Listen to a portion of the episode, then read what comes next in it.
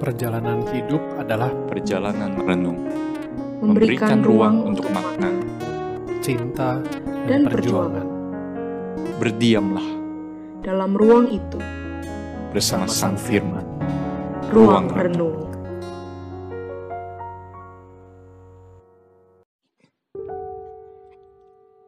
Apa yang kira-kira membedakan kiprah pelayanan gereja yang dicatat di dalam kisah para rasul dengan gereja-gereja modern hari ini? Tentu saja ada banyak faktor dan ada banyak jawaban yang bisa kita berikan. Apalagi kalau kita benar-benar membaca dan menggali kitab kisah para rasul secara mendalam. Tetapi di dalam pasal 13 dan 14 saya melihat satu indikasi yang menarik yang membedakan pelayanan gereja di kisah para rasul dan gereja modern adalah kepercayaan mereka kepada Tuhan. Kepercayaan gereja kepada Tuhan. Kisah para rasul 13 ayat yang pertama sampai yang ketiga. Pada waktu itu di dalam jemaat di Antioquia ada beberapa nabi dan pengajar, yaitu Barnabas dan Simeon yang disebut Niger, dan Lukius orang Kirene, dan Menahem yang diasuh bersama dengan raja wilayah Herodes dan Saulus. Pada suatu hari ketika mereka beribadah kepada Tuhan dan berpuasa, berkatalah Roh Kudus, Kuduskanlah Barnabas dan Saulus bagiku untuk tugas yang telah kutentukan bagi mereka. Maka berpuasa dan berdoalah mereka, dan setelah meletakkan tangan ke atas kedua orang itu, mereka membiarkan keduanya pergi.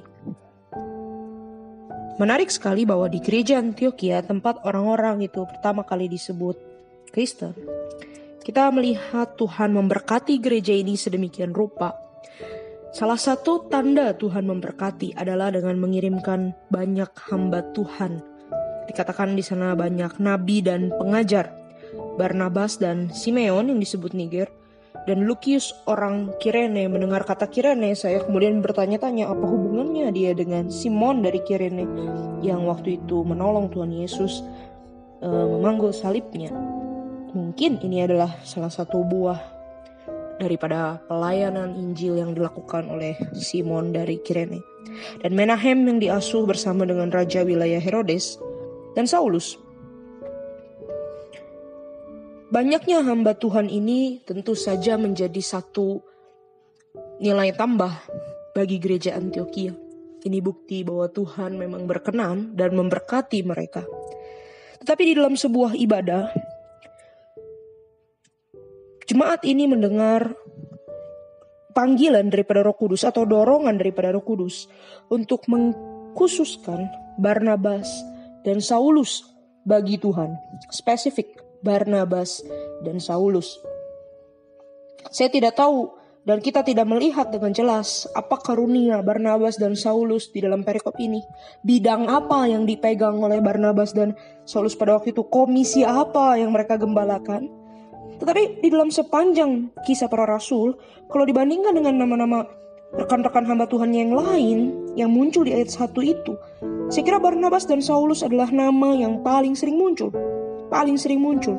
Barnabas dan Saulus itu umpama dua hamba Tuhan ikon, ikonik dari gereja itu.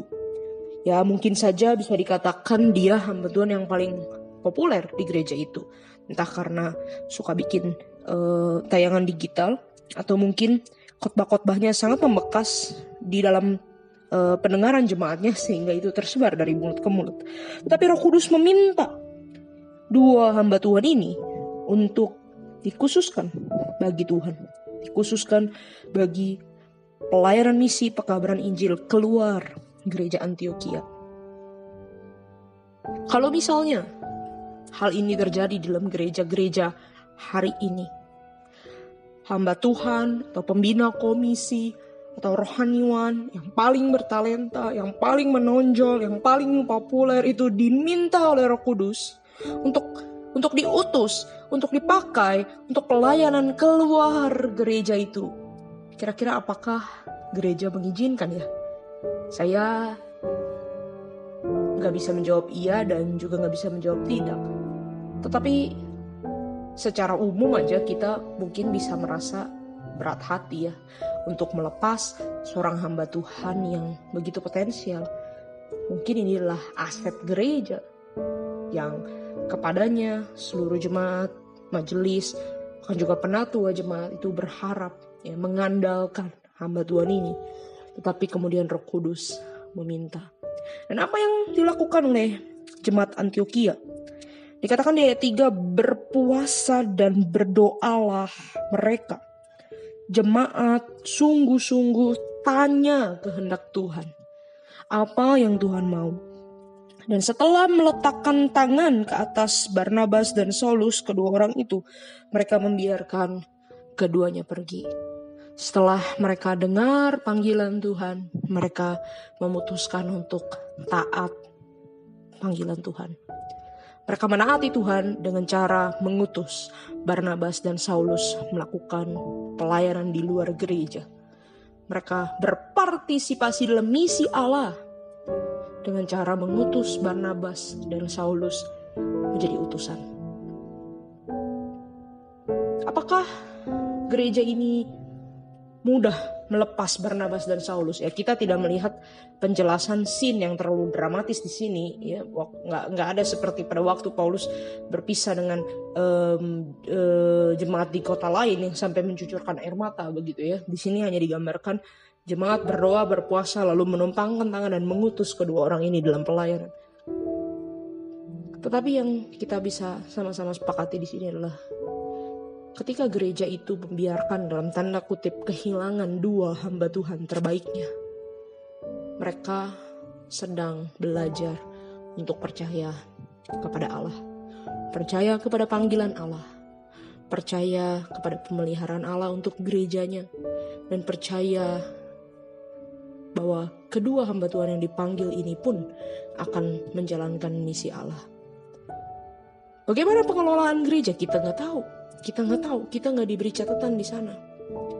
Tetapi kita tahu bahwa pekerjaan Injil bisa dilakukan, ya Injil bisa disebarkan ke kota-kota lain. Tuhan menyertai Barnabas dan Paulus dan memang beberapa kali nanti di dalam kisah para rasul ada kembalinya mereka ke Antioquia. Tapi yang kita bisa highlight di sini adalah pelayanan gereja Antioquia pada waktu itu diberkati karena mereka percaya pada panggilan Allah. Mereka mempercayakan diri mereka kepada Allah. Tetapi bukan hanya penatua jemaat atau majelis atau gereja yang percaya kepada Allah, maka lalu rela mengutus hamba Tuhan untuk melayani keluar. Bukan hanya itu. Kalau kita lihat di catatan um, pasal 14, Menarik sekali pasal 14 ayat 21 sampai 23. Nah ini, Paulus dan Barnabas ini setelah pergi misi mengabarkan Injil di berbagai kota dan memperoleh banyak murid, kata ayat 21, mereka ingin kembali ke gereja Antioquia. Tetapi sebelum kembali, dikatakan di ayat 22 pasal 14. Di tempat itu mereka menguatkan hati murid-murid itu dan menasihati mereka supaya mereka bertekun dalam iman. Dan mengatakan bahwa untuk masuk dalam kerajaan Allah, kita harus mengalami banyak sengsara. Di tiap-tiap jemaat, rasul-rasul itu menetapkan penatua-penatua bagi jemaat itu. Dan setelah berdoa dan berpuasa, mereka menyerahkan penatua-penatua itu kepada Tuhan, yang adalah sumber kepercayaan mereka. Perhatikan di sini, bahkan Paulus dan Barnabas pun percaya kepada Allah. Paulus dan Barnabas setelah mereka merintis jemaat-jemaat mengabarkan Injil, eh, melakukan pelayanan pemuritan. Kalau bagi saya sendiri sebagai hamba Tuhan, inilah sebuah pelayanan yang luar biasa, pencapaian yang luar biasa. Kalau dikatakan memperoleh banyak murid, itu adalah sesuatu yang luar biasa. Bahkan sudah bisa church planting beberapa gereja. Nah, tetapi mereka 21 dan 23 ini mereka mau kembali ke Antioquia dan mereka mau meninggalkan gereja itu. Kadang-kadang seorang hamba Tuhan di tengah pelayanannya, kalau mau jujur, sudah melatih banyak orang, mendidik banyak orang, mengkonseling banyak orang, memuridkan banyak orang, udah deket sama banyak orang, gak mau lepas gereja itu. Apalagi ketika dia masuk ke dalam gereja itu dan dia merasa gereja itu ketika dia masuk itu penuh dengan konflik dan kemudian dia membuat berbagai macam uh, penyelesaian konflik, pembaharuan, dia uh, membuat sistem yang bagus, dia uh, melakukan berbagai macam perapihan, cenderung tidak mau lepas. Karena semua yang dilakukan ini dia nggak mau rusak lagi, dia nggak mau gagal lagi. Dia, dia percaya dia lakukan di dalam pimpinan Allah dan saya percaya juga pasti Allah memberkati pelayanan hamba Tuhan seperti ini. Makanya buktinya ada banyak hal yang bisa dia lakukan. Tetapi kadang-kadang sebagai manusia kita nggak mau lepas. Takut dengan keadaan, takut nanti kalau gagal lagi, takut jemaat-jemaat tidak bisa mempertahankan ajaran yang telah dibangun. Tetapi tidak demikian dengan Paulus dan Barnabas. Di ayat 23 dikatakan, di tiap-tiap jemaat itu, rasul-rasul itu berani lepas dan mereka menetapkan penatua-penatua bagi jemaat itu. Jadi ada PIC-PIC, pemimpin-pemimpin di gereja-gereja itu diangkat. Tetapi yang menarik adalah catatan yang terakhir. Setelah berdoa dan berpuasa, mereka menyerahkan penatua-penatua itu kepada Tuhan yang adalah sumber kepercayaan mereka. Sangat mudah untuk menjadikan manusia itu sebagai dalam tanda kutip orang kepercayaan. Sebagai perenungan pribadi saya sebagai seorang hamba Tuhan, Ketika misalnya saya punya seorang pemimpin remaja, pemimpin pemuda atau jemaat yang suka belajar Alkitab, jemaat yang yang rindu akan Tuhan, jemaat yang bertumbuh secara rohani, maka secara manusia kita akan menjadikan dia dalam tanda kutip orang kepercayaan. Tetapi Paulus dan Barnabas menyerahkan para penatua jemaat ke dalam tangan Tuhan. Karena apa? Karena Tuhan adalah sumber kepercayaan mereka. Hamba Tuhan ini percaya pada Tuhan. Mungkin ini yang diajarkan kepada jemaat Antioquia. Sehingga jemaat Antioquia waktu itu berani mengutus dan melepas mereka. Maka saya melihat ini adalah sebuah poin yang sangat penting. Pelayanan yang percaya pada Allah. Seringkali di hari ini ketika kita justru sudah lebih banyak terekspos dengan ilmu-ilmu yang berkembang, ilmu kepemimpinan, ilmu marketing, ilmu administrasi, ya, ilmu public relation, dan banyak ilmu yang lain. Kita malah jadi mengandalkan ilmu di dalam pelayanan, termasuk di dalam gereja.